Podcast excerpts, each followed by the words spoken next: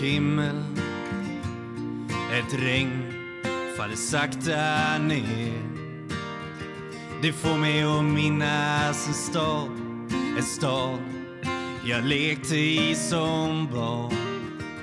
Grågrå människor i svarta, så svarta kläder. Men jag min sorglösa dag Ett vackert minne.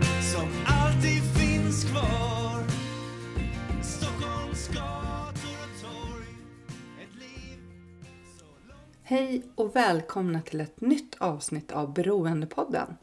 Beroendepodden är en podcast om alla olika sorters beroende, medberoende och psykisk ohälsa. Och jag som driver podden heter Anneli. Jätte, jätte, jätte välkommen till er som lyssnar och extra välkommen till dig som lyssnar för första gången. Under december månad så kommer jag släppa lite fler avsnitt och eh, det gör jag för att jag vet att det är en månad som kan vara extra jobbig för många. Så därför blir det extra många avsnitt så att ni känner att ni inte är själva, för det är ni inte. Utan vi är många och eh, som jag brukar säga tillsammans är vi starka. Känner du att du behöver hjälp och stöd så gå in på hemsidan så finns det en flik som heter hjälp att få. Där finns det länkar till olika ställen du kan vända dig till om du eh, behöver stöd och hjälp. Eh, jag kan tipsa också om att ladda ner appen Carry App som är ett socialt nätverk för en nykter livsstil. Där kan man nätverka med andra människor ehm, och ta stöd och hjälp av dem kanske. Fortsätt sprida podden på sociala medier, eh, Instagram och Facebook. Det betyder jättemycket att podden sprids. Så fortsätt med det. Och sen så blir jag jätteglad om ni lämnar en kommentar på Instagram eller på Facebook-sidan eller vart ni nu är. Eh, vad ni tycker om dagens avsnitt. Det, det är kul. Det gillar jag att läsa.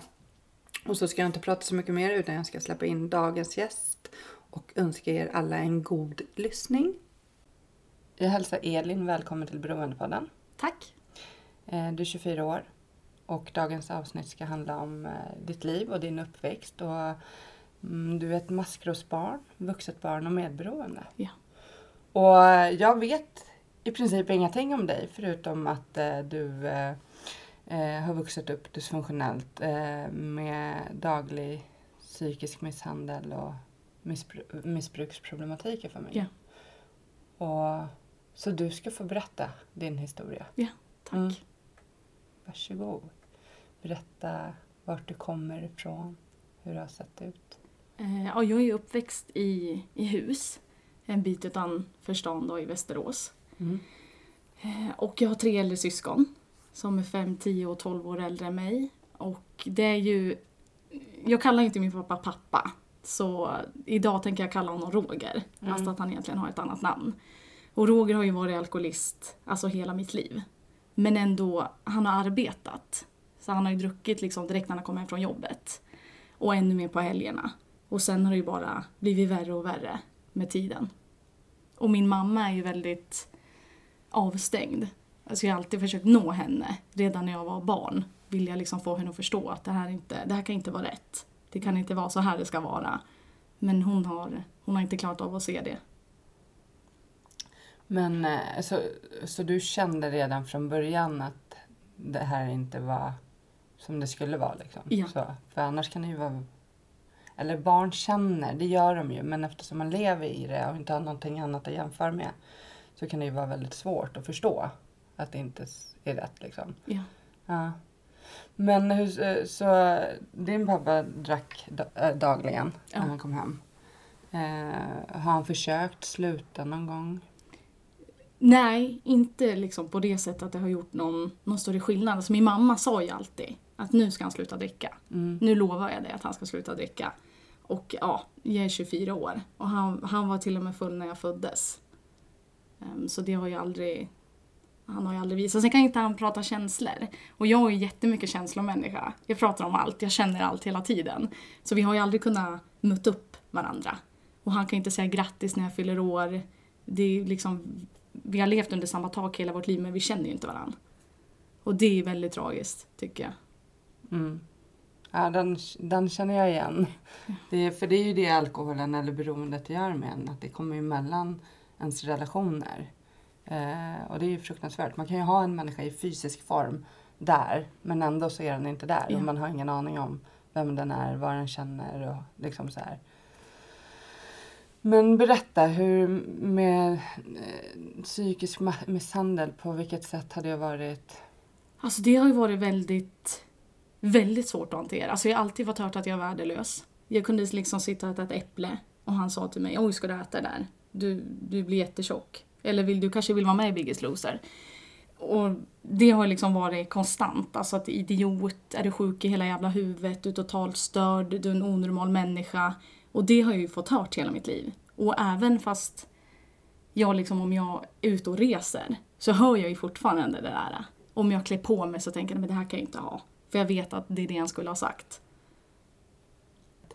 Eh, för att sådana saker skapar ju ofta skamfyllda vuxna människor. Ja, Är det något du känner igen dig i? ja absolut. Ja. Verkligen. Och jag känner ju alltid att jag duger aldrig. Alltså Nej. oavsett vad jag gör, oavsett vad jag säger, oavsett hur jag mår så ingenting av det jag är okej. För Mm. allt är fel. Mm. Men vad, vad, vad, liksom, vad gör du i de situationerna, eller eh, har gjort i de situationerna? Har du vågat säga ifrån eller? Mot honom. Ja. Ja, Mm. det har jag gjort. Eh, Och det har inte resulterat i, alltså då, då har jag alltid fattat att du kan dra åt helvete. Mm. Eller liksom när jag mådde psykiskt dåligt, för det har jag också gjort större delen av mitt liv. Mm. Deprimerad och så. Att han kunde säga att jag skulle bli den bästa psykologen. Där i fönstret. Och min mamma har ju liksom hört det. Men inte, inte sagt att Nej, men det här har ju med han att göra. Och det är han som inte mår bra, det är han som är sjuk. Mm. Utan jag fick alltid höra, men du förstår, du måste förstå hur det känns för han också. Någon han arbetar hela dagen, du kommer hem och är ledsen och sätter dig i köket, det blir jättejobbigt. Du får liksom visa tacksamhet här. Så det har jag också. Jag har väldigt mycket ilska fortfarande, även fast jag försöker liksom... Det är inte där, det är inte på den stigen jag vill gå, med ilska och hat och så. Men det är svårt nu som vuxen, när jag också inser att det här liksom kommer följa mig resten av mitt liv. Och ibland är det som att jag inte kan, jag kan ju aldrig trycka på stopp. Mm. För det är som en pågående grej, även det som hände när jag var ett barn fortsätter ju i mig liksom fortfarande. Men din mamma, alltså om hon... eh, Hur är hon?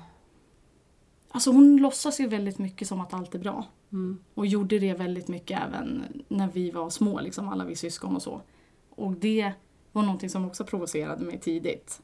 För andra har ju alltid liksom i släkten och så tyckt att ah, det är så bra, han jobbar ju så mycket. Han är så duktig. Mm. Wow, vilken man! Och jag satt där och liksom nästan fick liksom nypa mig i, i fingrarna alltså jättehårt för att inte skrika rakt ut. Man kan inte ta hand om sin familj. Han förstör ju oss. Och dukar man med servetter då är det så här, fan vad onödigt. Vem man betalar för de här? Och så har det ju varit jämt. Mm. Och jag trodde alltid när jag, när jag var liten, det, vilket är jättehemskt, men då trodde jag att jag kunde städa bort det som var sjukt i vår familj. Så tänder jag doftljus, dammsuger jag, håller jag det rent och fräscht, då kommer ingen se hur, hur trasig jag är och hur förstörd liksom hela, hela vår familj är. Men det funkade ju aldrig, såklart inte.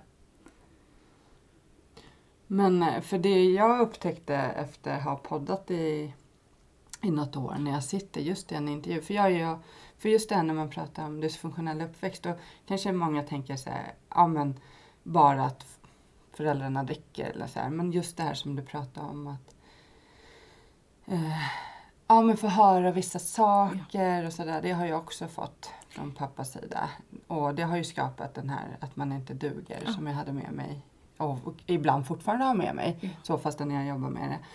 Ehm, och en mamma som då ska släta över allt. Och, Nej men det är jättebra, vi, vi är en jättefin familj och så här. Ja. Men det jag upptäckte faktiskt efter då, eh, här om sommaren, det var ju att den, den jag nästan mest har varit medberoende till, det är inte min alkoholiserade far. Utan det är ju min mamma. Alltså det är så här sjukt. Och, och där kom det mycket så här sorg och ilska och mycket känslor. För jag kände någonstans så här, men varför har du inte lämnat pappa? Ja. De separerade ett år när jag gick i sjuan och det var typ min, mitt bästa år under hela uppväxten. Och sen blev de tillsammans igen för barnens skull. Så. Ehm, och där kände jag så här, fast du hade kunnat gå liksom. Men nu eh, hänger du med vad jag menar? Ja, att, jag, så här, att, man, att jag tänkte att det liksom var pappa som bara var felet på och han eh, betedde sig som han gjorde, sa det han sa. Och... Men sen så insåg jag ju att de är ju två i en relation. Ja. Och det skapade ju den här otrygga flickan. Som jag var i många år. Dina syskon, har du pratat ni, hur, hur har de upplevt? För de är ju mycket äldre. Ja, Har de... alltså vi, vi kan ju prata om det. Mest, mest med min äldsta syster kan jag prata om det. Eh, alltså vi har liksom nästan nått varandra mer på senare tid. För det var ju mycket de tyckte väl också, kan du inte bara sköta skolan? Kan du inte bara skärpa dig? Det har jag också fått hört alltså mycket. Eh, och det har också varit tungt. Men idag så kan jag ju se på alla mina syskon att en del val har liksom gjorts som kanske inte skulle blivit gjorda. Äh, även det kan jag egentligen inte veta. Men utifrån hur vår uppväxt har varit. Att det blir ju lätt att man söker sig till, till samma. Eller det som är raka motsatsen. På, åt också extremt håll. Men eh, ja, så vi delar ju mycket åsikter gemensamt. Även fast vi inte alltid håller med varandra. Och andra syrran är med, ja men fixar han med bilen då, då är det okej. Det här praktiska, så jag pratar inte om det. Jag pratar ju om liksom från ett hjärta till ett annat. Känslor. Och kunna få höra att man är bra och att man duger som man är. Då tar ju inte jag som att om någon har suttit i motorvärmaren att det ska vara liksom hurrarop på grund av det. Men, Och då har han ändå kunnat sagt att ja, då har jag gjort det här. Så när han har gjort någonting vad han har tyckt varit bra och sen har jag sagt nej men det där var nog inte så bra kände jag. Då är det jag som är idiot och då är det jag som är fel. Så så har det alltid varit när de skjutsade mig till skolan också. Jag ville inte ens vara där. Men de skjutsade mig dit. Och då var det också så här, vi skjutsar dig, vi ställer upp på dig, vi gör det här. Men de lyssnade aldrig. vad du behövde. Och, Ja. Men hur, du sa att eh, du har mått dåligt hela livet och, eh, i princip och det kan man ju förstå. Ja. Eh, men hur har det sett ut då eh, i skolan? Och, Alltså redan i förskolan, när jag var sex år, så sa jag första dagen att mamma, det här är ingenting för mig. Och sen följde liksom resten av många år i skolan. Och det var jättemycket tjafs, eh, bråk. Eh, jag fokuserade aldrig på skolan. Det var ju mer liksom kaoset som, som jag fokuserade på hela tiden. Eh, och lärarna tyckte liksom att jag hade någonting, någon diagnos eller någonting. Så jag blev ju utredd. Eh, och BUP, barn och ungdomspsyk, liksom blev inkopplad också. Och de hjälpte ju aldrig mig. Aldrig. Alltså, jag satt ju och berättade. Jag har ju alltid kunnat berätta om hur det har varit hemma. Bara det att de flesta har liksom, ah, så. Nej men återigen, liksom, så farligt var det väl ändå inte. Nej, nej, det, det blir bättre med tiden. Det var jättemånga lärare som sa det. Det blev aldrig bättre. Så det är också någonting som är ont, att så många vuxna inte brydde sig någonting. För det är ju ofta när, när ehm, ett barn beter sig på ett speciellt sätt i skolan så är det ju, kan jag tycka att man ska fråga hur det ser ut hemma. Ja. Så, för ofta finns det ju en orsak till varför barnet kanske utåtagerar och så. Och här i ditt fall så sa du till med, men ändå inte fick något stöd och Nej. hjälp. Men, men du sa att du från första dagen kände att det inte var något för dig. Var det liksom att du också ville vara hemma och se till så att det funkade hemma? Eller att, eh, för skolan kan ju annars vara lite sådär att det är skönt att komma dit för att komma bort från hemmet. Ja. Nej, alltså jag kände det var ju svårt att ta. Jag gillar inte när folk säger åt mig vad jag ska göra. Så det var också en sån grej. Och jag förstod aldrig att jag skulle lära mig saker om, som inte är liksom relevant nu. Då jag också kunde sitta och tänka, men jag har det så här hemma, är inte det viktigare? Det var mycket sånt jag kunde sitta och tänka på under lektionstiden. Eller liksom så gick jag till skolsyster jättemycket, satt där och pratade och trodde då att hon lyssnade på mig. Men jag inser nu att det gjorde hon aldrig. Hon hörde mig. Och det är också folk som har sagt till ja men bara du berättar hur det är Elin. Berätta bara hur det är så ordnar det sig. Jag säger, men jag har inte gjort annat än att berätta hur det är. Men det är aldrig någon som har lyssnat. Så det, det, det spelar inte heller någon roll. Men jag trodde ju det då. Men alla skulle bara dämpa ner hela tiden. Hur, ehm, nu är det ju snart jul. Och hur har det sett ut för dig under jul? Och... Alltså det har ju varit mycket, extra mycket liksom fylla. Mm. Alltså att eh, Roger då har varit så full så att han liksom har hållit i bordet för att han inte har kunnat liksom gått rakt och så. Eh, Och mycket bråk, men när vi firade jul ute hos min morbror då var det ändå bra för då kändes det som att nu leker vi att vi är en familj. Och jag har alltid gillat teater så det var liksom lite som, nu spelar vi teater för alla andra.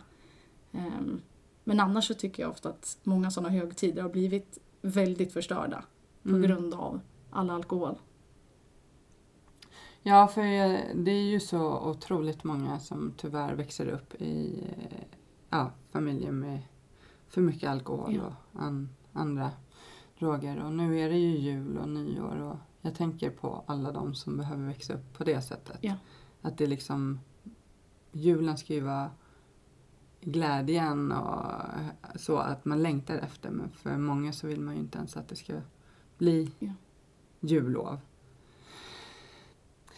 Men eh, skolan gick eh, för dig inte alls bra då? eller? Nej. Nej. Och jag hade alltså jättedåliga betyg och alla läxor var ju...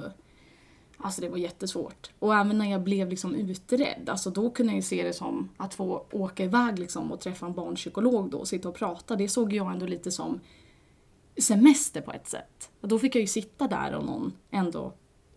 Jag ville gärna att de skulle lyssna men det var ju återigen att de hörde. Och en liksom barnpsykolog som låste dörren när vi satt och pratade. Jag tyckte det var jätteobehagligt. Mm. Varför gjorde han det? Och det är också en sån där sak, jag vet jag sa det till min mamma, hon var så här, men fokusera på varför du är där istället. Så vilken situation det än var då jag tyckte att det här känns inte bra för mig, så var det inte du gör det i alla fall. Så det spelar ingen roll att jag sa det. Men fick du någon diagnos? Nej, Nej, ingen diagnos. Det nej. visade sig bara liksom allmänt svårt i Mm. skolan. Och jag fick ju en massa sådana här, men ha matte i liten grupp. Gå in i ett annat rum och då tänker det blir bättre där inne. Mm. Och det förändrade heller aldrig någonting. Nej. Och, och det kanske fick dig att känna dig ännu mer som om du inte passade in Ja. eller dög eller... Mm.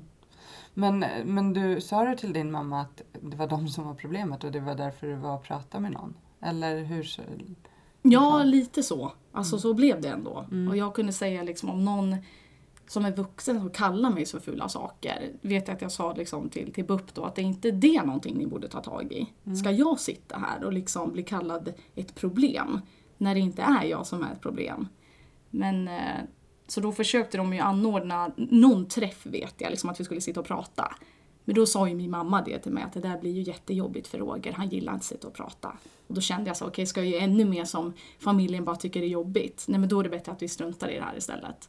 Men då var det ju inte så att de som hade kunnat tryckt för att hjälpa mig, de gjorde ju aldrig det. Mm. För det kändes ju som att de aldrig, de aldrig såg mig och det gör att när jag stöter på problem som vuxen Mm. och hamnar i situationer som jag vet, det här är inte bra. Då tänker jag ändå, ah, men det spelar ingen roll. Mm. Jag behöver inte säga det här, eller jag kan säga det men det kommer ändå aldrig förändra någonting. Nej. Och om någon hjälper mig i en svår situation, då får jag jättemycket skuldkänslor. För då blir jag så här, nu är jag skyldig dig någonting här för att du hjälpte mig. Mm. Så det är också något som jag tycker är jättejobbigt. Mm. Ja, det har påverkat allt ju. Ja, hela mitt liv. Ja. Att, att eh, försöka prata och få hjälp och så finns det ingen som hjälper. Nej. Varken hemma eller på ut... Ah, nej, men det, det är fruktansvärt. Ja. Och läkare, jag kunde, jag vet en eh, kvinnlig läkare som sa det liksom, ja men du ska vara tacksam Elin. Vissa drömmer om att ha det som dig. Och du har familj, liksom stor kärnfamilj. Jag sa det är en av anledningarna till varför jag sitter här. Och då var det så jag tycker din ton är lite otrevlig nu och det borde du ta tag i.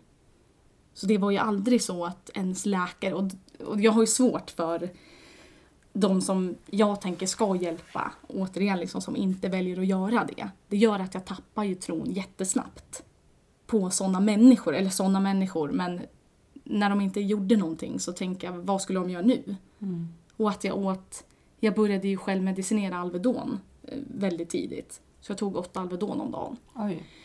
Hur mår man? Eh, Blir det någon... Nej, alltså det blev väl egentligen inte någon effekt så. Bara? Alvedon har jag aldrig testat.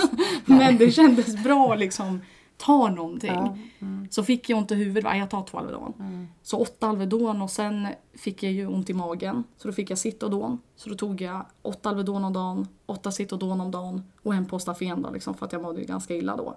Och det var heller aldrig, så över liksom tio års tid så självmedicinerade jag med Alvedon. Mm. Och det sa När jag började du med det?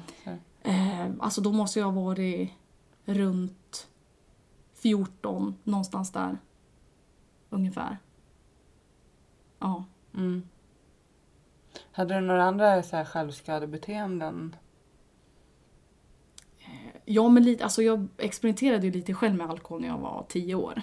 Och det blev inte heller någon konsekvens av någonting. Och sen eh, hade jag min första liksom riktiga fylla när jag var 12 år, så det året jag skulle fylla 13. Eh, och då hade jag också fått, sen jag blev äldre, liksom antidepressiv medicin. Så då blandade jag det med alkohol och det var ju heller aldrig så att det blev någon reaktion på det överhuvudtaget. Eh, Sen har jag alltid gillat på ett sätt fysisk smärta för att det är som att jag alltid går med smärta i mitt hjärta liksom, och i min själ och allting. Så att känna fysisk smärta, det kan vara... Ja, det, det, det kan kännas bra liksom inombords. Blir det liksom att den andra smärtan inte känns lika mycket Ja. Mm.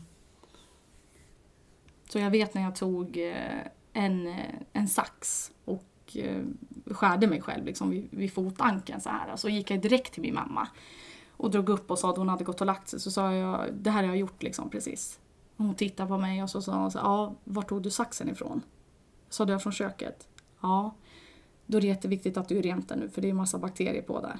Det var hennes respons. Så det var som att det, det aldrig spelade någon roll någonting. Hur, hur har det sett ut liksom högre upp i, i ledet i släkten? Alltså, för jag tänker någonstans att om det finns liksom mer psykisk ohälsa och beroende eller som du... Ja, på, på Rogers sida vet jag liksom att det Mm. fanns. Där var det liksom mycket alkohol så. Eh, och att man inte heller tog tag i, i det som var så tydliga problem. Alltså då var det bättre, vi sopar under mattan. Tills man liksom inte ens kan sopa längre och då låter man det bara, allting, allting får bara vara som det är. Ehm, och också depression till och från. Så har varit också även på mammas sida. Men eh, ja, så, så reaktionen med saxen var att du skulle rengöra den. Ja, Hur gammal var du då? jag var under 15. Mm. Ja, gud, jag skulle ju liksom... Jag är ju själv mamma liksom. Eh, ja. Skulle min son komma in och ha gjort något sånt. Det skulle vara fruktansvärt. Ja. Men... Eh, men du eh, har ätit antidepp. Ja, Från- precis. Alltså jag gjorde det. Jag började med det när jag var under 18. Mm. Eh, och jag fick ju maxdos. För jag ringde och sa att det hjälper ju ingenting. Alltså jag tänkte och kände exakt likadant. Så då var det bara, men vi höjer till max, nu kommer det bli skillnad. Jag tänkte wow, det här är helt fantastiskt, jag kan må bra av de här tabletterna. Men det blev ju aldrig så. Så sen slutade jag bara jättetvärt från ena dagen till den andra. Och då mådde jag också jättedåligt. För att det, det hade ju påverkat min kropp ändå, men inte mina känslor och mina tankar överhuvudtaget. Men när du sökte hjälp för ditt mående och du berättade vad det handlade om eh, också och eh, samtals... eh, Fick du något KBT eller något annat? Ja, eller? ja. Det fick jag. Mm. Eh, Och det fick jag också liksom redan när jag var under 18. Alltså så. De satte ju in det. Men det var ju samma, då kunde jag sitta där och berätta vad jag kände. Och jag fick till svar, men så kan du inte känna. Varför känner du så för? Där har jag gått flera gånger och inte hänt någonting. Eftersom jag har ju liksom som en inbyggd rädsla på något sätt.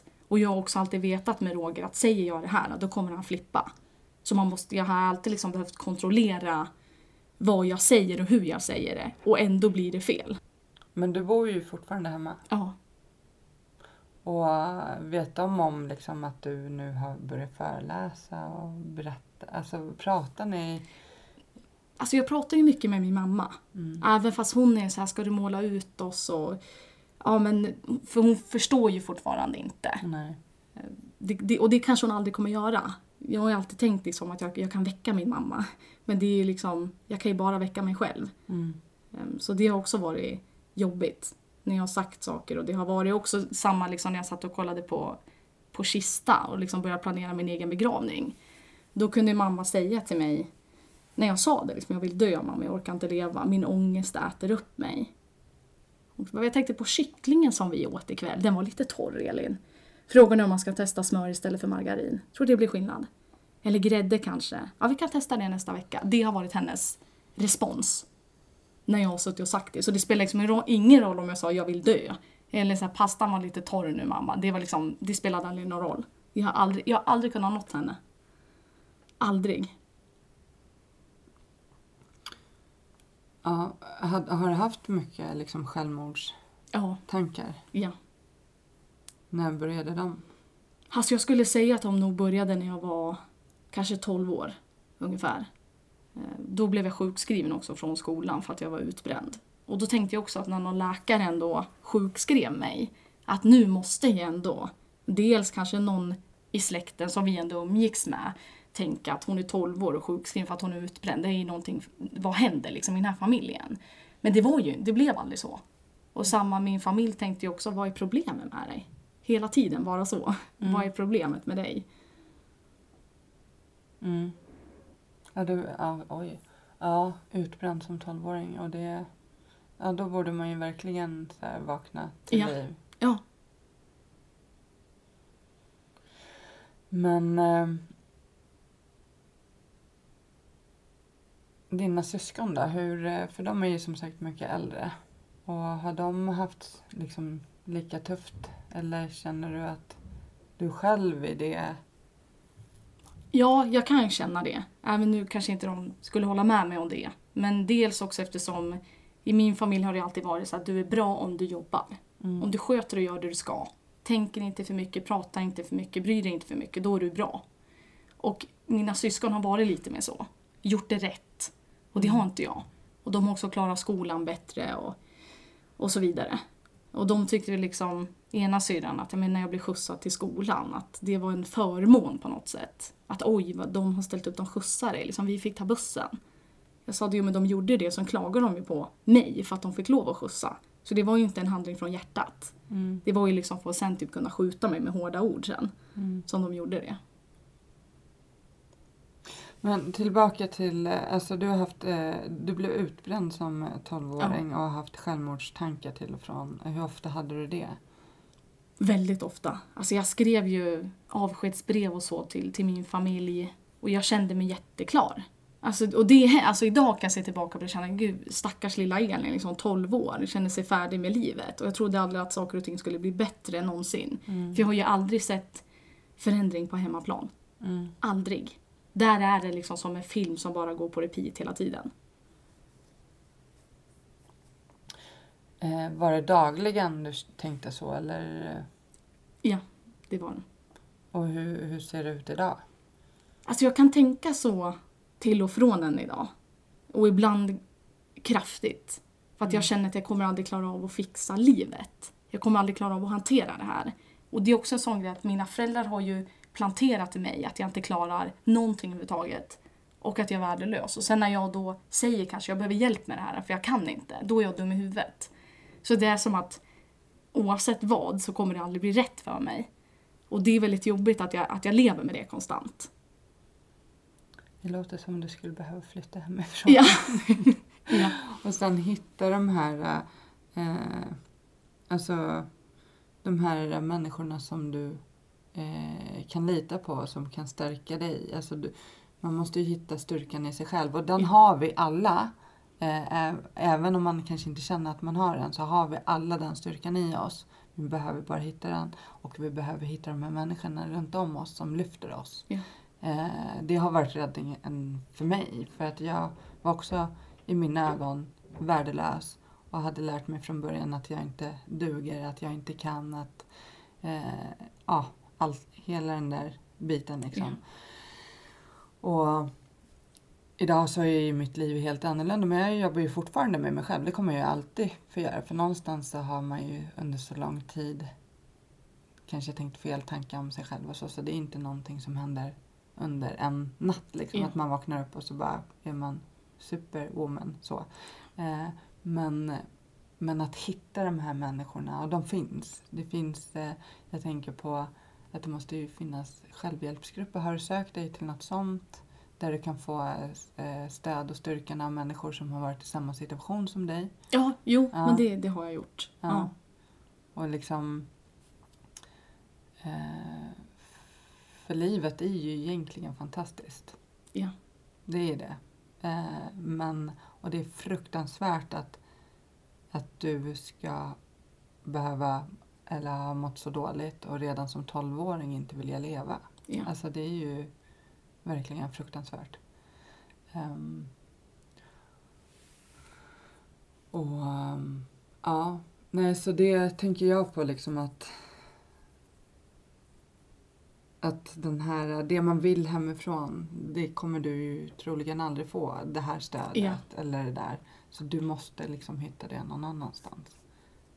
Så, men du har börjat leta efter Ja, det? precis. Nu Mm. börjar jag känna att jag måste rädda mig själv. Mm. Och det också har jag känt ofta att, jag menar mamma kommer hem från jobbet, att då vill jag ju kunna tända upp liksom lampor för henne och göra det liksom lite mysigt och fråga hur hennes dag har varit och sådär. För det skulle ju Roger aldrig göra. Han är inte intresserad av att fråga hur någon mår. Mm. Men nu känner jag liksom också att det har gått så långt också eftersom Roger är pensionär. Så nu, nu jobbar han ibland extra men då är det ju bara liksom dator, tv, öl. Det är bara det. Eh, och ja, att vakna upp i det är ju inte... Det är absolut, det är jätteskadligt. Och sen är det speciellt också eftersom jag har gjort det i så himla många år. Eh, Så jag vet att jag måste ta tag i mig själv, alltså verkligen, och rädda mig själv och tänka att vi, vi, vi ordnar det här. Alltså att jag och mitt lilla jag försöker tänka så även fast det är jättesvårt. Men eh, förstår du liksom att din, de är sjuka båda två? Alltså i, han i sin alkoholism och hon i sitt medberoende. Eh, att du liksom kan se det och på något sätt eh, förstå eller? Ja, jo men alltså det, det kan jag ju. Även om jag hade önskat kanske att jag hade förstått det för länge sedan. För då tror jag inte att jag hade lagt på så mycket ja, men på mig själv hela tiden och tänka att det är ju jag som gör så att Roger dricker så himla mycket. För att jag känner så mycket och pratar så mycket. Och bara de här liksom stegen från trappen när jag kunde stå och prata med mamma och vara ledsen. Hur han liksom rusade ner från trappen och kunde liksom smälla i dörrar. De här, de här små grejerna som också har satt sina spår jättemycket. Så, sa, sa han någon gång att det, liksom, det var ditt fel att han drack eller liksom skyllde han på... Alltså det är egentligen min mamma som har gjort det. Att det, har blivit, det blir så mycket för honom, du är så mycket. Så det blir, och du provocerar honom till att han ska och liksom så vidare. För det är klart att, det, att man tar otroligt mycket skada som barn. Ja. då liksom. Och just det här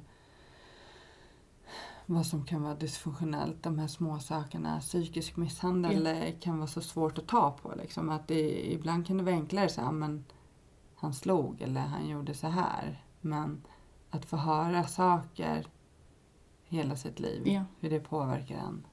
Mm. Men du har sökt annan hjälp i vuxen ålder eller? Ja, och den banan har ju inte heller varit enkel. Mm. Eh, Läkare som också kan säga men du som ser så fin ut. Du som har, du har så fin jacka på dig när du kommer. Jag tycker du ser ut att må så bra. Mm. Ja, fast det har väl ingenting med hur jag mår här inombords att göra. Så det är också någonting jag har stött på enormt mycket. Alltså jag, jag ska inte sitta och säga att det är knappt någon läkare som har lyssnat på mig, men det är nästan så att jag vill säga att det är så. De har inte lyssnat. Men när- liksom, när förstod du att du eh, var eh, medberoende eller vuxet barn? Alltså det har jag förstått egentligen nästan i år. Ja. Alltså på senare tid har jag förstått det. Och hur mycket också vissa beteenden som jag då typ sett från min mamma och sen har jag också tagit över det på något sätt. Vilket jag vet att jag kommer få jobba mycket med för att jobba bort. Liksom, där får jag påminna mig själv ofta. Mm. Men du är, inte, du är inte rädd att själv hamna i ett beroende, att det, du ska ha det, det med dig liksom? Jo, alltså för jag känner ju, jag är ju beroende människa. Alltså det som är Alvedon och sen liksom Mentones droppar.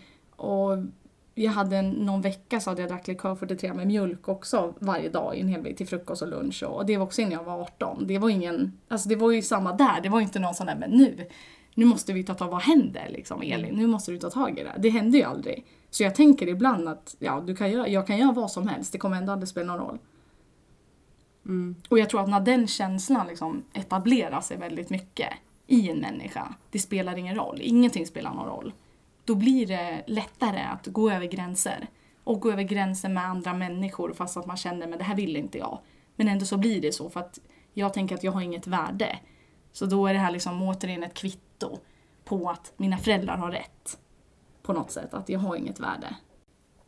Ja, men jag har ju, jag har ju samma, alltså med min far. Eh, alltså jag kunde ju få höra, jag kommer ihåg att jag hade sminkat mig liksom och då kunde han säga så här, "Vad- vad fint du har sminkat, eh, så som du hade sminkat häromdagen, då såg du ut som ett luder. Alltså sådana eh, saker har ju satt sig i mig. Ja. Eller typ som när jag målade om hela hallen och köket hemma. Han är ju snickare och yrkessnickare. Han har jobbat som lärare inom det. Ehm, och då kommer, liksom jag har stått i fyra dagar liksom så här, haft ner tapeterna. Först står man och ångar så att tapeterna ramlar ner och sen spackla och så måla och så här. Jag kände mig så duktig. Ehm, och han kom över och så mm, mm, mm. Så går han runt och kollar. Och så högst upp i ett hörn då hittar han att jag har målat lite snett. Och så bara, ja ah, nej men här var det ju snett. Typ. Så Mm. man bara, alltså du kan ju säga att jag har varit duktig. Att Ja. du är stolt över mig eller något. Det skulle ju vara trevligt. Så. det är liksom, men någonstans så, ehm, alltså, och jag kan ju verkligen, jag är 40 och jag kan bli som en tonåring när jag är nära honom. Mina föräldrar är också tillsammans Okej. fortfarande. Så här. Alltså om det är någon som kan få mig att explodera så är det han. Liksom. Bara genom att jag kommer in i rummet och känner energin från människan som Ja. sitter framför sin TV då, eller datorn och med en öl på sidan Ja. av eh, soffan och så. Och liksom, ibland räcker det bara att han öppnar munnen och jag bara ah, jag måste härifrån! så.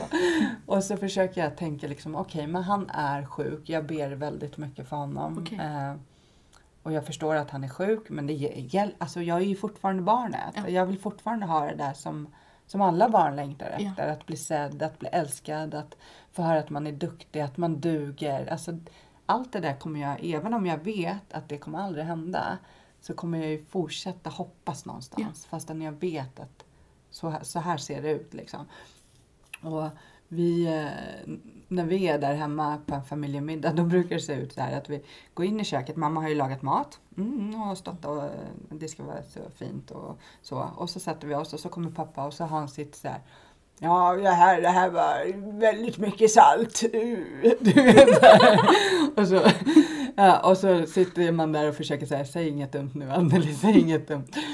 Och så går han ut, eh, direkt han har ätit upp så går han ju ut. Så han sitter ju inte och fortsätter samtala med oss. Då är det liksom över när han har ätit maten. Och så satt han sig och så satte han på en film och så kommer man in i vardagsrummet. Och så ska man vara tyst för då ska man kolla på film tillsammans. Eh, och inte prata. Och vid något tillfälle så har ju jag, jag har ju hela livet försökt kommunicera med honom. Men då, nej nej nej, då blir man ju vansinnig eller eh, förstår inte vad du pratar om. Eller, du vet sådär. Ja. Så det, det går inte att nå. Nej. Även om jag hoppas väl i framtiden på att kunna det. När vi nådde varandra som bäst, det var faktiskt under den perioden som jag drack med honom. Okej. I, I slutet när jag var aktiv ehm, så drack jag, alltså ja, när, när jag kanske var 25, 26, 27 där någon gång. Då kunde jag ju dricka med och då kunde vi sitta och ha riktigt djupa samtal och det kan jag nästan sakna liksom. För Ja. det var i den här alkoholbubblan som vi kunde nå varandra. När vi förstod varandra på något sätt. Ja. Men eh, direkt jag slutade dricka eh, för 11 år sedan så för, liksom, då bara pff, blev det ett sånt långt... Ja. Och jag kommer... Jag tror att min största sorg den dagen han går bort Ja. det är ju dels att aldrig få ta den här relationen som jag skulle vilja ha. Men också att jag inte har fått lära känna honom. Alltså för någonstans så beter de ju sig som de gör för att de är sjuka. Ja. Men de har ju också en ryggsäck. Ja. Och det är den skulle jag vilja typ se i. Ja. Så här på något sätt. Varför har du dina... Nu vet jag lite varför han har sina beteenden för jag vet min farmor och farfar. Min farfar söper ihjäl sig men min, Okej. och min farmor är väldigt narcissistisk av sig. Um, barnen var inte det viktigaste i hennes liv. Så, så jag förstår ju liksom mycket idag. Eh, det jag har gjort eh, det är ju att jag jobbar mycket med mig själv. Jobbar mycket på att förlåta. Ja. ja. Mm. Så de, de här alltså, såren kommer ju finnas där. Eh, jag tror att man absolut kan bli fri som människa och Ja. må bra. Eh, men det krävs ju en del av en. Men sen också att vara på det bästa sättet jag kan mot min egen son. Ja. Att du vet, allt det där jag inte fick. Att ge det istället, alltså det som jag ville ha.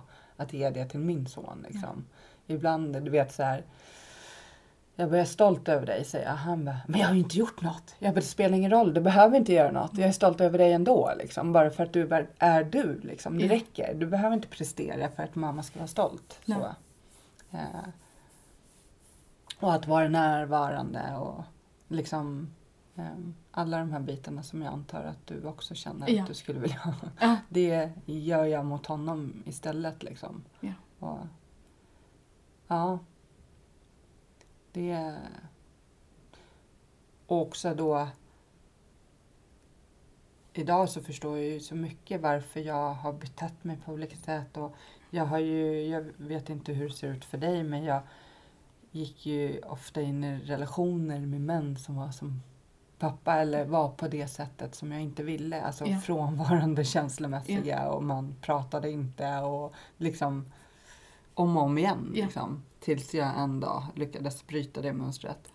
Och så, men det är så mycket som jag förstår idag. Liksom, att aha, oj, jag har ju bara liksom upprepat vissa saker på kanske med förhoppningar om att den här gången så ska det se annorlunda Ja. ut. Liksom. Eh, mm, Ja, det kan jag känna igen mig mycket i. Alltså Mm. också det här äh, som du säger, förlåt. Alltså att förlåta. Jag, jag förstår ju att det är jätteviktigt. Och jag hade en terapeut som sa det liksom, hur många gånger har du önskat livet ur Roger? Jag sa det är så många gånger så jag kan inte räkna hur många gånger det är. Och det, då kan jag skämmas över att jag ens känner så. Eller liksom folk från släkten liksom som har gått bort i cancer och så. Och jag bara, varför kan inte han bara få försvinna? För det skulle underlätta för oss och mig. Alltså så. Och samtidigt, då får jag dåligt samvete över det. För så har jag ju kunnat tänka om mig själv också. Om bara jag försvann, om jag dog, då skulle det bli lättare för familjen. Och också som jag liksom tänkte så tidigt, att då blir det inte, då behöver de inte skjutsa mig mer. Då behöver de inte klaga på mig mer. Alltså så tänkte jag ju verkligen. Väldigt ofta, och det kan jag än idag tänka när jag får liksom det här igen, att jag fortfarande, jag är ju fortfarande det här problemet. För att jag inte bara kan sköta mig. Och jag säger, men det är ni, det är ni också som har skapat mig till den jag är idag. Sen är jag vuxen nu, måste ta eget ansvar för mina handlingar och de situationer jag sätter mig i. Men det är ändå, det är ändå inte enkelt. mm. Och något som också är jätteviktigt är dels att eh, kunna förstå och förlåta så gott det går eh, människorna som man har blivit. Alltså det har varit viktigt för mig. Eh, jag säger inte att alla måste hålla på att förlåta. Jag vet att en del kan bli väldigt provocerade. Så här, jag kommer aldrig kunna förlåta en människa som har gjort mig illa. Men att förlåta en annan människa handlar ju inte egentligen om att den ska få det bra. Utan det handlar ju om att man själv ska bli fri. Ja. Eh, från den smärtan man bär på. Eh, och det finns ju olika verktyg som man kan använda sig av. Men förlåtelse är ett rätt så starkt verktyg. Eh, men också att förlåta sig själv. Jag tänker på, ehm, på dig och det som du kanske har gjort mot dig själv. Ja. Att, och liksom, först att få lära sig hemifrån att man inte duger och sen fortsätta göra det mot sig själv. Liksom, skada sig på olika sätt. Ja. Att förlåta sig själv och ta hand om det där barnet. ehm, är jätteviktigt. Ja. Och kan vara jättesvårt. Ja, det, och jag, jag kan också känna att jag vet ju med mig att jag har sårat människor utifrån det jag varit med om. Mm. Och det är någonting idag, alltså, att jag nästan kan känna oj, jag, ursäkta allihopa som jag, alltså, att jag kan känna den, den känslan. Att om, om jag hade liksom förstått saker då på ett annat sätt så hade jag kunnat berätta det på ett annat sätt och då hade man kanske liksom med lite tur kunnat mött varandra. Mm. Ehm, men det får jag också liksom försöka se som att det blev som det blev på något sätt. Och nu kan jag bara försöka göra allting till ja, det bästa möjliga utifrån allting. Mm. Ehm, för det är inte härligt och, och jag kan också känna liksom det här bara jag hör Roger andas i ett rum eller liksom jag ska laga mat och så ser jag liksom fötterna då som sticker fram från soffan. Då kan jag, bli, jag, jag klarar inte av att stå i köket och laga mat. Jag klarar inte av det. Mm. För att det är så pass jobbigt. Och sitta i samma soffa som han har suttit kan jag klara inte av. Också det här med energier. Att det är som att jag blir jättestel. Bara av att veta, bara av att höra hans bil liksom. När han jobbade varje dag så. När jag hörde den körde upp på uppfarten. Då var det som att energin bara var helt borta. Den lilla energi jag hade var helt borta. Och det är fruktansvärt. Alltså som många säger, ja men du kan inte låta någon annan människa påverka dig så mycket. Men jag tror också när man växer upp i det är det jättesvårt att bara, jag låtsas som ingenting, att nu vandrar han runt här igen. Och bara säga, jag kan knappt säga någonting som han har sagt av värde till mig. Absolut ingenting. Det, är- det är bara liksom, kan gå in, jag sitter och har en viktig konversation med min mamma. Och han kommer in och bara, "Ja, nu är det minusgrader. Alla grannar sover. Släkt överallt. Ja, snart är det sporten. Ja men jag vet. Eh, och jag, jag, sitter jag i sovrummet hos min, mina föräldrar har separa, eh, separata sovrum. Eh, och så sitter jag och pratar med mamma om något så djupt för vi pratar rätt så djupa saker. Eh, Sitt inte där inne och gagga! Man bara, men alltså du sitter i ett annat rum, låt oss vara liksom. Man bara, "Ha?"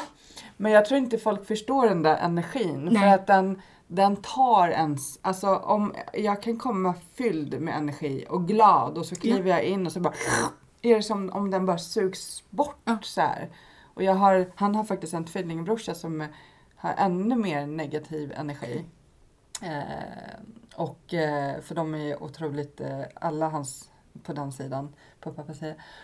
Och jag, hon, vi har sommarstuga på samma ställe och jag har ju kommit på att det är lika bra att jag inte går förbi stugan längre. För jag har försökt sista somrarna så här en, två gånger på sommaren gå förbi. Och det, det, det är så sjukt för att jag kliver liksom bara innanför tröskeln och så är det liksom som om, ja, det är bara så mörkt Ja. liksom i energimässigt. Och, och det, jag kan inte stå emot det. Nej. Alltså den äter upp en. Liksom. Och då är det bästa skyddet i att inte vara där. Ja. Men du bor i det. Jag Ja. kan ju välja hur mycket jag vill gå hem till mina föräldrar eller träffa dem och Ja. så här. Eh, mamma har fin energi. Eh, men, så det, det jämnar upp sig. Men han äter ju upp hennes energi också. Liksom. Det förstår ju inte han riktigt. Nej. Kanske. Och det som är så tragiskt, jag kan tänka, jag kan fråga min mamma ibland att så här, var det det här du drömde om när du var barn? Mm. Jag har inte läst en enda saga då något barn drömmer om att leva dysfunktionellt och med missbruk och psykisk missbruk. Alltså ingenstans. För det finns inga sådana böcker, för det är ingen som vill leva så. Men det är din verklighet mamma liksom. Så här, hur Men känns det? Ja, vad säger hon då? då? Ja, men då, då, då, då blir det liksom, du bara ältar hela Mm. tiden. Du bara ältar, det är det enda du gör. Det är samma sak hela tiden. Men jag sa det är för att jag, jag, liksom, jag, jag brinner i det här. Alltså jag brinner, jag har alltid ropat på hjälp, alltså även hemma. Alltså så. Jag har ju inte undanhållit någonting. Även liksom när jag drack och liksom, så jag, jag sa ju det. Men det, det, var, det var ju liksom, det var ju ändå som, jag går och lägger hon, mig. och hon förstår inte, eller förstår hon att hon är medberoende i... väldigt svårt att säga om hon förstår det på, på djupet. För att jag bad ju liksom om att de skulle skilja sig. Det vet jag liksom mina andra syskon har gjort också. Att skilja liksom så. Och att mamma då kunde, ja då, då kan inte bo i hus längre. Då blir lägenhet. Hur blir det? Så, så det är också någonting som, det är nästan som att, då blir, då blir det också svårt. Som att då är det bättre att vi bara fortsätter så här. Alltså, då kan jag tänka nu också, jag hade ju hellre vuxit upp i en jätteliten lägenhet med, med kärleksfulla föräldrar och fått pepp och kunnat känt att livet är ju fantastiskt, för det är ju det, den största gåvan vi har. Och för en själv har det liksom ibland kunnat kännas som ett straff. Och en del också som har sagt, men du har två föräldrar, då har du det bra. För det gör jag även när jag berättar min sanning för folk. Och säger att det är så här det har varit, det är så här det är. Så kan jag ändå sen känna att aj, jag måste nästan gå tillbaka och be om ursäkt nu. För nu, nu blev det jobbigt. Och nu, nu skulle jag egentligen sagt, fast mina föräldrar har gjort allt de kan. Det är inte, jag har ju växt upp i hus, jag fick ju fotbollsskor när jag var 14 år. För det var också sånt som de var väldigt noga med att liksom poängtera. Och en terapeut sa ju det till mig då att om en förälder köper ett par fotbollsskor, alltså det är inget privilegium att få ett par fotbollsskor om man har ekonomi för att kunna köpa ett par fotbollsskor. Mm. Men det har ju mina föräldrar liksom fått som att det, det är en grej. Det, det är en fin, jättefint som jag ska vara jätte... Då är det okej sen att jag blir kallad idiot och, och sådana saker för att jag har fått ett par fotbollsskor. Och det ska jag vara tacksam över. Sen var jag tacksam över det då. Men det gjorde det ändå liksom... Jag vet att det inte var från hjärtat. Och jag, jätte, för jag själv vill gärna utifrån hjärtat. Ja. Att det ska vara från hjärtat. Annars kan det kvitta på något sätt. Men så ingenting har ju varit så från hjärtat. Som eh, när jag var sju så blev jag utsatt för ett fullbordat sexuellt övergrepp. Eh, av en eh, grabb som var ja, men några år äldre och som var, ja, men var ibland hos oss liksom, och hälsade på familjen och så. Och jag berättade det här för min mamma. Alltså, jag var sju år. Och jag berättade efter min bästa förmåga. Och det hon sa till mig var, vadå? Det hände väl bara en gång. Och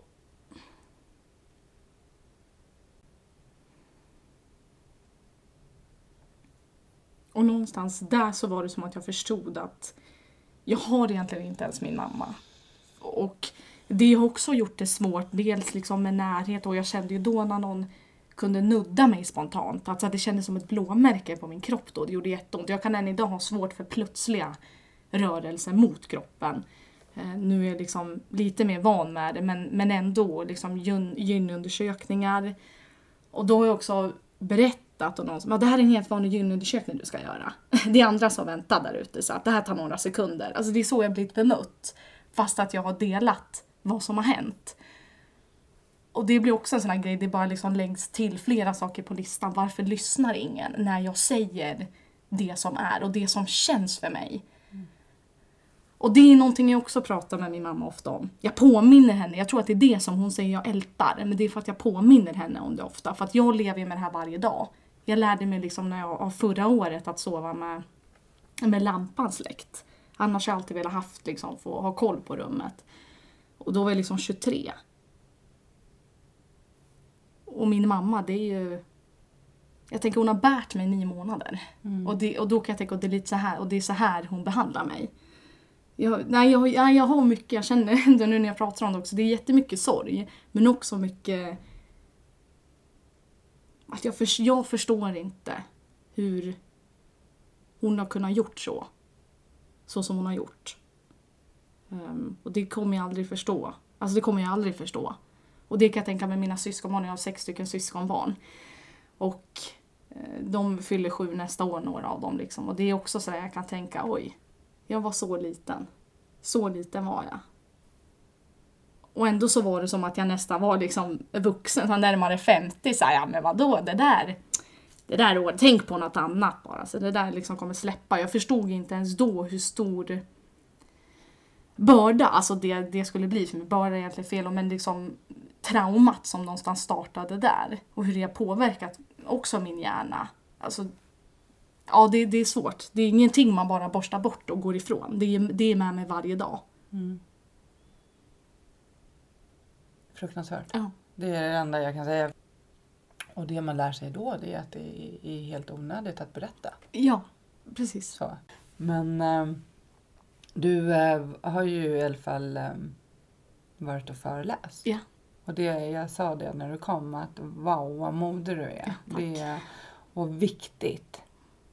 Eh, och du har döpt föreläsningen till Så farligt var det väl inte? Ja. Är väl ändå inte. Ja. Ja.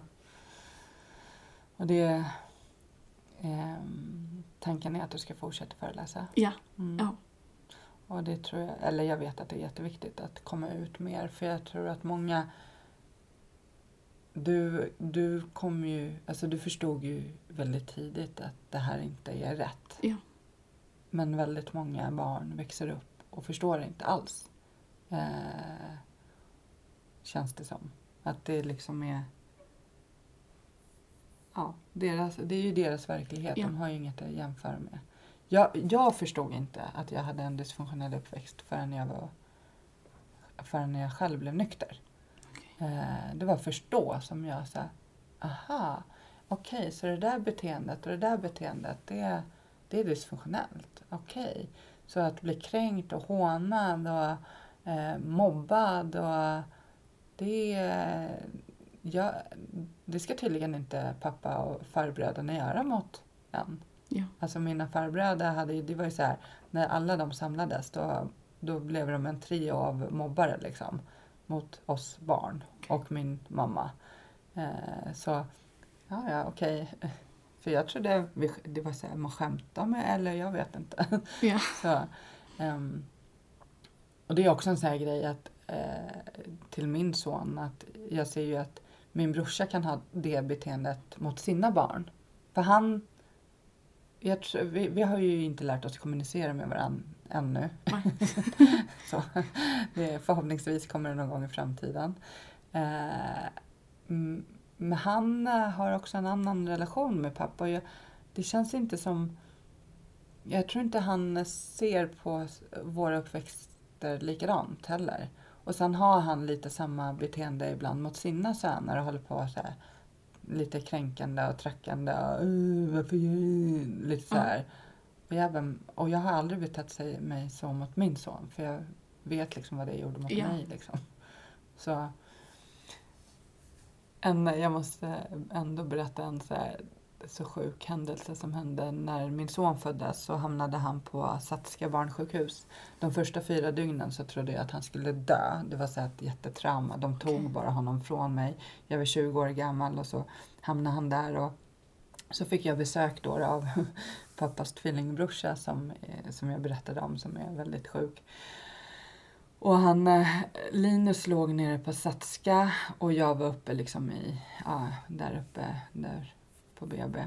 Eller där vi får vara i något dygn eh, efter han har fötts. Så kommer pappas tvillingbrorsa och så kommer han fram till mig så tar han tag i mitt eh, fläsk på sidan, eh, på magen. Eh, huff, vad heter det? Här, eh, ja, sidan Ja. eh, på magen. Och så eh, tar han tag och så, med handen och så säger han så här. "Ha, när ska du börja träna då?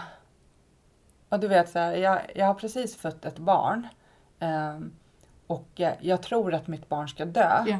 Och jag är i typ chock och alltså det är liksom kaos i och, och så är det typ det han får ur sig. Ja.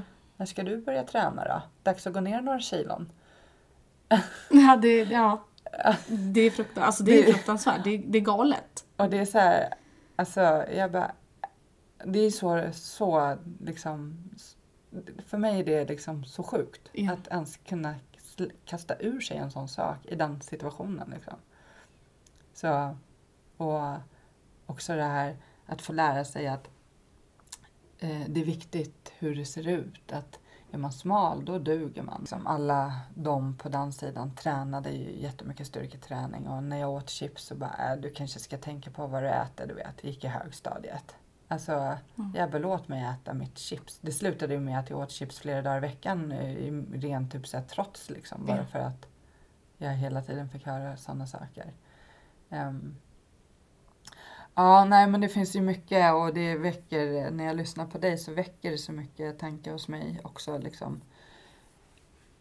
Men det jag kan säga till dig det är att det, det kommer bli bra. Ja. Så.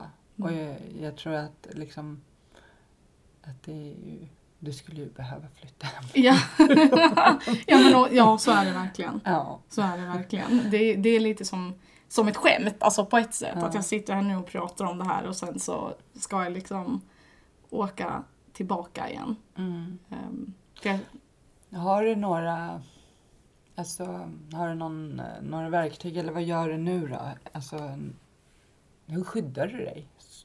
alltså jag är ju väldigt mycket på mitt rum. Ja. eh, och lyssnar mycket på musik. Jag, jag skriver mycket. Alltså Mm. det är också mitt sätt på något sätt. Eh, att jag liksom hittade musiken och allting tidigt. Musiken. För då var det också så här, jag kan, jag kan berätta ännu mer här hur det är när jag skriver. Mm. Ehm, Skrivande är väldigt Ja. magiskt. Ja. Det är läkande på många sätt. Ja. Mm. men ibland så... Ja men återigen, ibland, jag faller ju ofta in i mitt mörker inombords. Ehm, för det är på något sätt där jag mest har varit, känns det som. Så det är lättare för mig att falla dit. Så... Ja, det, det är svårt att säga egentligen vad jag gör, men jag försöker bara tänka också en dag i taget. Och jag vill också tänka att jag har inte... gått igenom allt det här för ingenting. Och detsamma kan jag hjälpa en människa. Så känns det som att då kan jag på något sätt läka lite. Mm. Även fast det inte går fort. Men, eh, och sen jag vet också allt det här med att inte dela roliga saker med liksom mina föräldrar. För att då, det är som att jag ger liksom en teckning och jag är såhär ah, “kolla vad jag har gjort, jag är jätteglad över det här”. Och de liksom tar fram motorsågen och sen är det bara smulor kvar och så ska jag säga ja, nej men det här var ju inte heller, och jag får be om ursäkt att jag sa att det här ens var kul från första början. För att då är det enligt dem, det finns inget som är roligt med det här. Så det är också en, eh, för ibland får jag ju bita mig själv i tungan då när jag så himla gärna vill se, eller om någon har varit trevlig mot mig. Det är ju liksom som ett litet tips, jag brukar ju om någon vän eller när någon vän liksom skriver något fint och så till mig så kan jag screenshotta det. Och sen, eh, eller gå tillbaka till sms och kolla vad de har skrivit. Att jag vet, tänker att det finns människor där ute som, som känner så här, även fast jag har jättesvårt att ta beröm, då blir jag liksom nej, nej, men det, jag är inte värd det där. Det tycker jag liksom är obehagligt. Men om någon ger mig kritik, men jag är van med det här så att fortsätt bara liksom. Även fast det också är jobbigt. Mm. Um, så då försöker jag alltid påminna mig själv om att säg inte det här. För då kommer jag bara gå därifrån med jättejobbiga känslor. Och att det återigen känns då som att ingenting är, är möjligt på något sätt. Mm. En sån uppväxt för ju med sig så mycket sorg, det för med sig, alltså det är trauman, det är ju allt möjligt som man också då måste hitta de här verktygen för att ta hand om Ja. på vägen. Liksom. Men att, eh, som sagt, du lever ju redan en dag i taget sa Ja. du.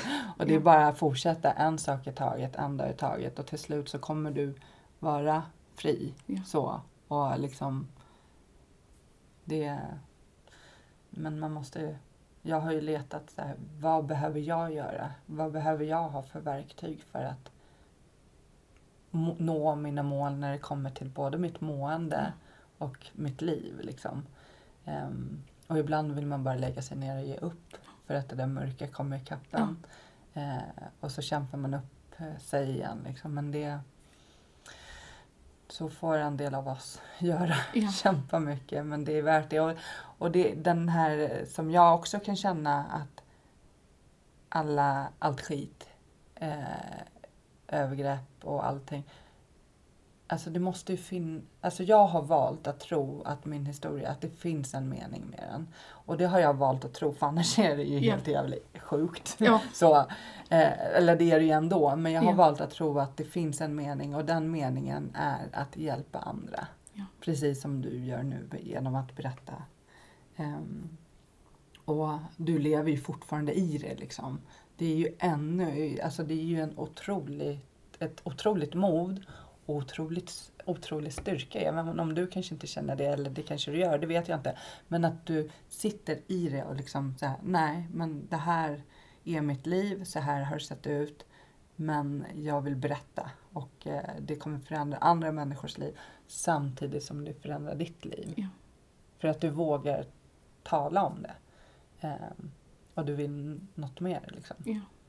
Så det är jätte, jättemodigt och jättefint. Och, Nej men jag känner väl, alltså det låter ju liksom kanske klyschigt men alltså hur viktigt det är att ändå prata, alltså fortsätta prata. Även när folk inte lyssnar. Alltså för det är samma hade jag hela tiden lyssnat på alla de här läkarna också som sa att jag skulle vara tacksam och att jag skulle vara glad och att vara, Då skulle jag ju till sist själv ha kunnat bara men på något sätt bara satt mig ner och fortsatt bara låta allting hända utan att ens säga ifrån för att jag skulle tänka att ja men jag skulle vara tacksam med allt det här.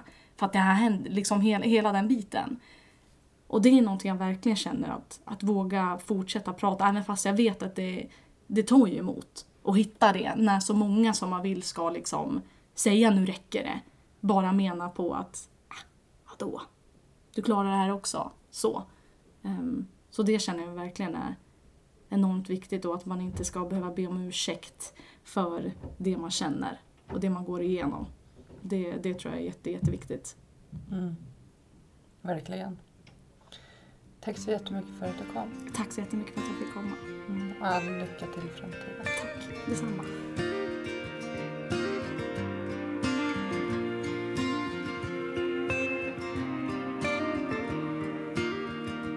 mörk himmel Ett regn faller sakta ner det får mig att minnas en stad En stad jag lekte i som barn.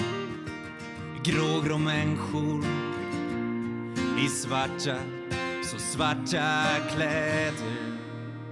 Men jag min sorglösa dag Ett vackert minne som alltid finns kvar. Stockholms gator och torg Ett liv